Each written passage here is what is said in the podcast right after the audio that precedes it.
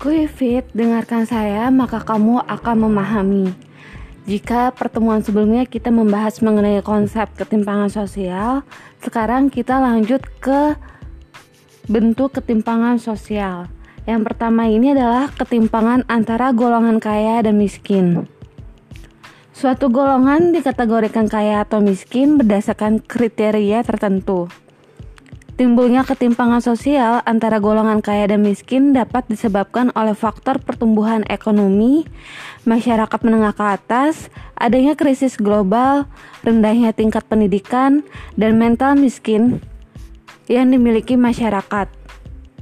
Menurut Sarjana Sukanto, Ukuran kekayaan dilihat dari kepemilikannya seperti harta, rumah, kendaraan, tanah, cara berpakaian, dan kebiasaan pemenuhan kebutuhan pokok sehari-hari. Badan Pusat Statistik atau BPS menentukan indikator kemiskinan dengan melihat persentase jumlah minimum uang yang dibutuhkan dalam pemenuhan kebutuhan pokok. Kebutuhan pokok yang dimaksud yaitu pangan, papan, sandang, pendidikan, dan kesehatan. Yang kedua, ketimpangan pemilik modal dan buruh. Pemilik modal merupakan individu atau kelompok yang memiliki modal untuk melakukan suatu kegiatan yang terstruktur. Adapun buruh merupakan individu yang bekerja dalam kegiatan yang dilakukan pemilik modal. Tujuan utama pemilik modal adalah mendapatkan keuntungan maksimal. Pemilik modal tidak harus terjun dalam menjalankan sebuah perusahaan. Melalui karyawan atau buruh, para pemilik modal menjalankan perusahaan. Sebagai timbal balik, karyawan atau buruh mendapatkan imbalan berupa upah. Ketimpangan sosial terjadi ketika pemilik modal tidak memberikan upah sesuai standar upah yang telah ditetapkan pemerintah daerah. Banyak perusahaan yang menetap upah di bawah standar upah minimum regional. Beban pekerjaan yang tidak sebanding dengan upah mengakibatkan banyak buruh akhirnya mencari pekerjaan tambahan guna mencukupi kebutuhan. Realitas ini berbanding terbalik dengan para pemilik modal atau perusahaan dan pemegang saham. Semakin tinggi keuntungan perusahaan, akibatnya naiknya permintaan pasar, kekayaan mereka semakin bertambah. Melimpahnya tenaga kerja yang tidak diimbangi banyaknya lapangan pekerjaan dan meningkatkan kebutuhan hidup menyebabkan daya tawar tenaga kerja menjadi murah. Artinya, masyarakat tidak memiliki suatu keahlian yang dapat ditawar dengan upah tinggi oleh suatu perusahaan.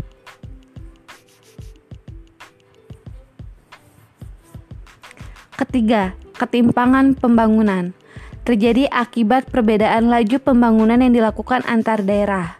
Banyak faktor yang menyebabkan terjadinya ketimpangan pembangunan seperti perbedaan letak geografis, sumber daya alam yang dimiliki, sumber daya manusia, sarana dan prasarana yang dimiliki, serta kondisi suatu daerah seperti daerah rawan konflik atau rawan bencana.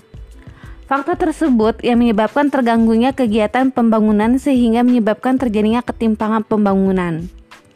Contohnya, Meskipun berbagai program pembangunan daerah telah dirancang dan bahkan sebagian lainnya sudah dilakukan, pemerintah sejak diberlakukannya otonomi daerah, namun ketimpangan antara kota dan desa masih tinggi. Dilihat dari proses pembangunan berdasarkan hasil studi NFID dan Oxmaf menyebabkan bahwa akses antara pedesaan dan perkotaan terhadap infrastruktur seperti jaringan listrik dan jalanan berkualitas sangat timpang. Bahkan terdapat kelompok masyarakat yang masih belum teraliri listrik serta mendapatkan pembangunan jalan berkualitas. Oleh karena itu, diperlukan langkah strategis guna menciptakan penyimbangan pembangunan desa dan kota. Yang keempat adalah ketimpangan kesempatan. Warga negara memiliki hak sama dengan mata hukum, serta berhak mendapatkan pelayanan kesehatan dan pendidikan dari negara. Meskipun demikian, pada kenyataannya masih terdapat golongan masyarakat yang belum bahkan sulit mengakses hak tersebut. Inilah yang dimaksud dengan ketimpangan kesempatan. Mereka yang kesulitan mengakses hak tersebut antara lain masyarakat miskin, masyarakat pedalaman, dan masyarakat yang tidak terjangkau oleh pembangunan kedua sektor tersebut. A. Sektor pendidikan Pendidikan dikenal sebagai social elevator yang menjalankan fungsi manifestnya yaitu menyelesaikan persoalan dalam masyarakat sesuai ilmu yang dimiliki, mempersiapkan individu mencari nafkah, mengembangkan bakat dan minat, serta melestarikan budaya. Semakin tinggi pendidikan, semakin besar kesempatan seseorang untuk melakukan mobilitas sosial vertikal. Sebagai contoh, Kesempatan bekerja di perusahaan besar dimiliki oleh seorang sarjana dibandingkan lulusan SMA ataupun di bawahnya. Menurut Mika Ferawati Tangka, faktor-faktor yang dapat menyebabkan ketimpangan sosial dalam bidang pendidikan adalah yang, yang pertama, pengaruh globalisasi. Globalisasi memberikan pengaruh signifikan seperti kemajuan teknologi dan pembaruan ilmu pengetahuan. Akan tetapi, Percepatan perubahan sosial akibat globalisasi sering tidak dapat diikuti oleh lembaga pendidikan daerah. Yang kedua, pembangunan infrastruktur pendidikan yang tidak merata. Kondisi geografis Indonesia turut menyebabkan tertundanya pembangunan sarana dan prasarana pendidikan di suatu daerah. Pulau-pulau yang dibatasi lautan serta daerah penggunaan dapat menyebabkan tertundanya pembangunan infrastruktur pendidikan. Akibatnya, daerah yang sulit dijangkau memiliki fasilitas pendidikan yang kurang memadai.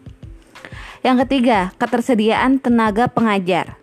Tenaga pengajar sangat dibutuhkan dalam dunia pendidikan, terutama tenaga pengajar kompeten dan berkualitas. Akan tetapi, banyak tenaga pengajar terkonsentrasi di perkotaan, sedangkan di daerah pedesaan, perbatasan, dan pedalaman jumlah tenaga pengajar masih sangat minim. Yang keempat, mahalnya biaya sekolah setiap jenjang. Biaya pendidikan yang setiap tahun meningkat menyebabkan masyarakat semakin sulit mengakses pendidikan. Masyarakat golongan menengah ke bawah terpaksa bekerja keras agar dapat menyalahkan anaknya ke jenjang sekolah lanjutan. Mereka yang tidak lulus SMA belum tentu dapat melanjutkan ke jenjang perguruan tinggi karena biaya yang semakin mahal dan sulit dijangkau. Sektor kesehatan Kesehatan merupakan salah satu indikator penilaian indeks pembangunan manusia atau Human Development Index. HDI adalah pengukuran perbandingan angka harapan hidup, melek huruf, pendidikan dan standar hidup untuk negara-negara di dunia. Berdasarkan data statistik yang dikeluarkan UNDP pada 2019, Indeks Pembangunan Manusia IPM Indonesia berada di posisi 111 dari 159 negara. Data tersebut menunjukkan bangsa Indonesia perlu melakukan pembenahan akses kesehatan. Realitas tersebut menunjukkan masih terdapat masyarakat yang sulit mengakses kesehatan meskipun pemerintah telah memberikan jaminan kesehatan kepada masyarakat. Kondisi ini menimbulkan ketimpangan sosial dalam mengakses kesehatan. Faktor-faktor khusus yang menimbulkan ketimpangan sektor kesehatan sebagai berikut. Biaya kesehatan yang mahal, Pepatah ada yang mengatakan sehat itu mahal harganya, memang berlaku di Indonesia. Masyarakat sering terbebani biaya pengobatan, bahkan biaya pengobatan menjadi beban kedua bagi pasien selain penyakit yang dideritanya. Kenaikan biaya rumah sakit disebabkan oleh berbagai faktor yang berkaitan seperti privatisasi rumah sakit, mahalnya biaya pembuatan obat dan biaya dokter. Yang kedua, keterbatasan infrastruktur, dan yang ketiga adalah kurangnya tenaga medis.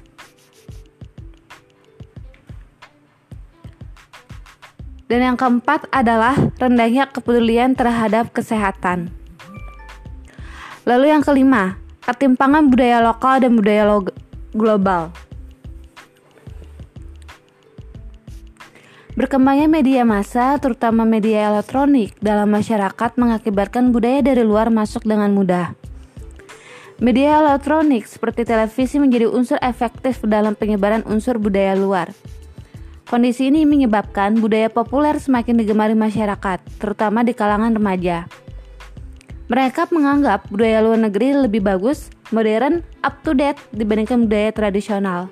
Akibatnya, unsur-unsur budaya lokal pun dipaksa berdampingan dengan budaya populer dalam masyarakat. Sebagai contoh, berkembangnya cosplay. Banyak generasi muda bergabung dengan komunitas cosplay menunjukkan persebaran budaya populer atau budaya baru yang diikuti masyarakat dunia. Secara tidak langsung, budaya lokal dapat berperan sebagai filter perkembangan budaya dalam masyarakat. Setiap budaya mengandung nilai dan norma yang disepakati masyarakat. Budaya dari luar negeri yang tidak sejalan dengan nilai dan budaya setempat dapat segera ditipis jika masyarakat memiliki kemampuan meleksi setiap budaya yang masuk. Yang keenam, ketimpangan gender. Gender merupakan perbedaan laki-laki dan perempuan secara sosial budaya. Pembedaan laki-laki dan perempuan dilihat dari peran dalam kehidupan sehari-hari.